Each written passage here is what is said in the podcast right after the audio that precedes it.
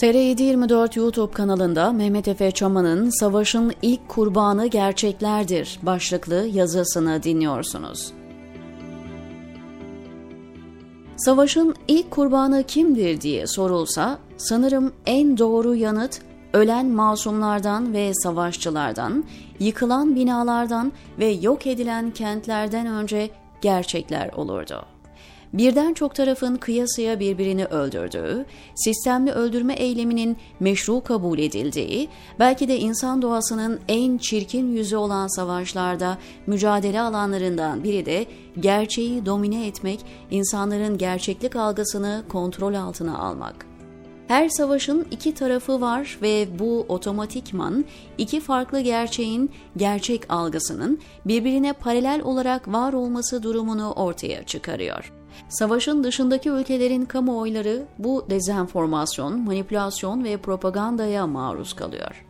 Yaşananların sağlıklı bir değerlendirmesini yapabilmek için öncelikle nesnel bilgiye ihtiyaç duyarız aynı olay hakkında birbirinden farklı bilgiler varken neyin doğru, neyin yanlış olduğunu anlamamız zor olur. Özellikle medya, basın ve akademi gibi mesleği bilgiyle doğrudan alakalı olan branşlarda savaş ortamından çıkan bilgilere karşı mutlaka sabırlı ve titiz bir değerlendirme süzgecini sürekli aktif tutmak gerekir. İnsan olduğunuz için hepimizin belli değerleri, inançları, doğru yanlış skalaları var. Dolayısıyla ön yargılarımız bizim insan olmaktan kaynaklanan sosyalizasyon süreçlerimizin doğrudan etkide bulunduğu özelliklerimiz arasında. İçine doğduğumuz, yetiştiğimiz, hayatımızı devam ettirdiğimiz toplumumuz bizi toplumun geniş kesimlerince kabul ve onay gören inanç, bilgi, değer, kanaat, bakış açısı gibi özelliklerle donatıyor. Dolayısıyla özellikle sıfır toplamlı bir gerçeklik ortamında bize akan bilgilerin arasında karar verirken bu öznel süzgeçler, filtreler, gözlükler belirleyici rol oynuyor. Yine de gerçekler tektir. Birbiriyle çelişkili birkaç gerçek olamaz. Diğer taraftan gerçekler bazen uzun araştırmalarla titiz bir arkeoloji sonucunda yapbozun parçalarının sabırla bir araya getirilmesiyle yani bir rekonstrüksiyonla ortaya çıkar. Oysa insanlar sabırsızdır.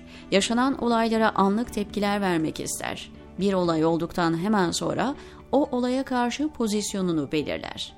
Bu belki de evrimimizle alakalı bir şey. Doğada meydana gelen olaylar karşısında çoğu zaman bekleme şansınız yoktur. Ani bir tepki vermek zorundasınızdır. Geç tepki güvenlik riskidir. İnsan kendisine saldıran bir vahşi hayvan karşısında durup durum tahlili yapamaz veya geceyi geçirdiğiniz yerde bir kurt uluması kamp yerinize yaklaşıyorsa bu ulumanın bir kurt sürüsünden geldiğini derhal varsaymanız canınızı kurtarabilir. O ses uluma değil de rüzgarın sesi ise belki alarma geçmeniz gerekmeyebilirdi. Fakat bu riski almak rasyonel olamaz. Halbuki modern toplumsal ilişkilerde böyle anlık kararlar alma gerekliliği eski çağlara göre çok daha düşüktür. Yukarıda da işaret ettiğim emare, işaret, bilgi kırıntısı yanında bilinçli olarak fabrike edilen ve ustalıkla araya serpiştirilen dezenformasyon parçaları, özellikle savaş ve çatışma ortamlarında istisnai durumlar değil. Hamas saldırısı sonrası patlak veren Orta Doğu krizi binlerce İsrailli sivilin ölümüne ve yaralanmasına yol açtı. Bu saldırılar İsrail'in geniş çaplı bir hava bombardımanını tetikledi. Hamas yönetimi altında olan Gazze, İsrail ordusu tarafından günlerdir ağır bir bombardımana tabi tutuluyor. Tıpkı dünyanın başka yerlerinde meydana gelen korkunç savaşlarda ve çatışmalarda olduğu gibi çok yüksek rakamlarda sivil kayıpları bu savaşın da bedeli. Rakamların karşılaştırılması etik olmaz. Hiçbir sivil, Yahudi veya Müslüman, seküler veya dindar, Arap veya İbrani ölümü hak etmez. Nokta. İdeal bir dünyada bu ölen insanlar kardeşçe bir arada yaşayabilirlerdi ölen çocuklar birbirinin arkadaşı olabilirdi. Birbirleriyle spor müsabakaları yapabilir, sinemaya veya tiyatroya gidebilir, aynı okulda okuyabilir, birbirleriyle evlenebilirlerdi. Birbirleriyle komşu veya iş arkadaşı olabilirlerdi. Fakat maalesef Orta Doğu ideal bir dünya değil. Karşılıklı olarak birbirlerine ön yargılarla bakan, birbirlerini belli şablonlara göre algılayan, ideolojik ve teolojik endoktrinasyonun tam gaz gittiği, iyinin değil kötülüğün sürekli alanını genişlettiği bir coğrafya. Dolayısıyla Hamas'ın saldırılarından önce de bu ortam vardı. İsrail'in verdiği yanıttan sonra da aynı ortam olacak. Belki de bu nefret ortamı daha da betonlaşacak.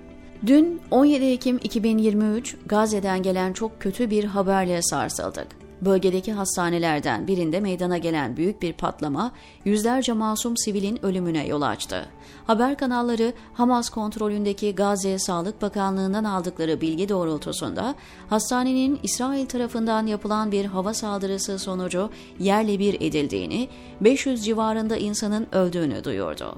İsrail otoriteleri başlangıçta birkaç görevlinin çelişkili açıklamalarına karşın saldırının İsrail tarafından yapılmadığını, Filistin İslami Cihat Terör Örgütü veya Hamas terör örgütü tarafından İsrail'e yapılmakta olan bir roket saldırısı esnasında ateşlenen roketlerden birinin hastaneyi vurduğunu açıkladı. Başlangıçta İsrail'in hastaneyi vurduğu haberi geçen küresel medya kuruluşları ifadelerini göreceli hale getirdiler. İki taraf vardı, ikisi de birbirini suçluyordu. Şimdi sorulması gereken soru dünya kamuoyunun tutumunun ne olması gerektiğidir. Bu çatışmayı İsrail ve Gazze dışında izleyen insanlar çatışmanın parçası değiller. Savaşı izliyoruz. Bir aksiyon filmi gibi şiddet sahnelerinin yer aldığı grafik videolar sosyal medyada önümüze düşüp duruyor. İnsanlar acı çekiyor. Çocuklar ve bebekler ölüyor. Anneler içme suyu bulamıyor. Hastaneler bombalanıyor tüm bu ağır duygusal ortamda herkes gibi ben de ve sizler de ne olup bittiğini anlamaya ve anlamlandırmaya çalışıyoruz. Bu noktada yine ideal bir dünyada aklı başında ve iyi tüm insanların, sivillerin ölmediği, barışın gerçekleştiği bir İsrail-Filistin ilişkilerini tercih edeceğine eminim. Fakat yine vurguluyorum. Dünya ideal olmaktan çok uzak. Hele ki Orta Doğu'da. İsrail ve Hamas kontrolündeki Gazze çatışması basit bir bölgesel veya etnik sürtüşmeye değil. İsrailliler büyük çoğunlukları itibariyle Yahudiler, Hamas ve Gazze'de onların yönettiği Gazze'liler büyük çoğunlukları itibariyle Müslümanlar. Dünyada bu çatışmayı izleyen insanlar eğer Yudeo-Hristiyan veya Müslüman bir aidiyete, kökene sahiplerse bu çatışmaya oldukça yüklü bir bagajla yaklaşacaklardır. Nitekim olan budur. Batı dünyası ve İslam dünyası olarak iki kampa ayrılan, kutuplaşan bir dünyadayız artık. Bu kutuplaşma, El-Kaide terör örgütünün 11 Eylül saldırıları sonrası ortaya çıkan ortama benzer, hatta ondan çok daha patolojik ve toksik bir ortam yarattı. Müslümanların çok büyük bir çoğunluğu İsrail'in varlığını tamamıyla sorgulayan, hatta kategorik olarak reddeden bir pozisyona sahip. Nedenlerine bu yazıda girmek istemediğim Yahudi nefreti veya en yumuşak ifadeyle yüksek bir Yahudi önyargısı hatta neredeyse en habis seviyede antisemitizm Müslümanlar arasında oldukça yaygın maalesef.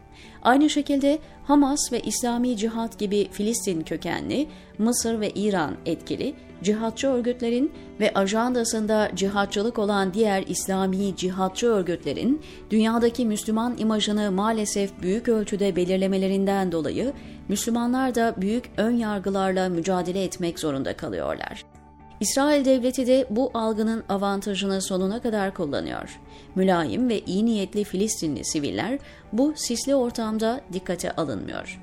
Bir taraf diğer taraftan daha iyi değil. Her iki tarafta Şahinler tarafından kullanılıyor. Olan masumları oluyor. İslamcı cihatçı örgütlerin terörü hem karşı tarafı hem kendi halklarını yakmakta. Dahası bu ortam dünyayı da zehirliyor.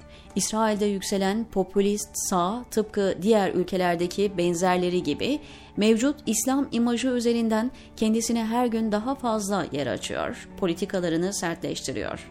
İslamcı, cihatçı terör örgütleri ise kendi toplumlarını yoksulluğa, sefalete, radikalliğe, mutsuzluğa itiyor, dünyayı istikrarsızlaştırıyor. İsrail-Hamas savaşında bu özetlemeye çalıştığım durumun en aşırı örneklerini gözlemliyorum. Gerçekler bu savaşın ilk ve en önemli kurbanı. Hepimiz edindiğimiz gerçeklik kırıntılarını algılarımız doğrultusunda yorumluyoruz. Çoğu zaman yukarıda izah etmeye çalıştığım gibi yorumlarımızda ve tepkilerimizde acele hareket ediyoruz. Özellikle Yudeo-Hristiyan ve Müslüman köklere sahip bireyler bu dezinformasyon ortamında en kolay tetiklenen insan gruplarını oluşturuyor. Çoğu zaman taraftarlık ruhu, ortak insanlık kimliğini gölgeliyor. Araya mesafe koymak ve bilgi kırıntılarına şüpheyle yaklaşmak isteyenler acımasızca yargılanıyor, suçlanıyor, lince uğruyor. Her iki tarafın kurbanlarını eşit görmek, ait olduğunuz grupça acımasızca dışlanmanız sonucunu beraberinde getiriyor. Birçokları taraftar ruhunun güvenli sularına yelken açıyor. Buysa şiddet sarmalının bitirilmesine hizmet etmiyor. Bilakis yangını körüklüyor. Bu yazının okuyanları mutlu etmeyeceğini biliyorum. Yine de yazıyorum çünkü ben yaşamını yitiren sivillerin Yahudi mi yoksa Müslüman mı olduklarına bakmanın yanlış olduğuna inanıyorum. Çok uzun sürebilir, acılı bir süreç olabilir. Benim gibi binlerce insan hainlikle, kriptolukla, taraf tutmakla, birilerinin ajanı veya elemanı olmakla suçlanabilir. Zararı yok. Benim pozisyonum belli ve onu birilerinin hoşuna gitmek için değiştirmeyi düşünmüyorum. Yahudilerin de Arapların da o topraklarda barış içinde ve kardeşçe yaşayabilecekleri bir ideal dünyayı özlüyorum. Ne kadar ütopik görünürse görünsün, bir gün büyük insanlığın bunu da başaracağından eminim diyor Mehmet Efe Çaman TR724'deki köşesinde.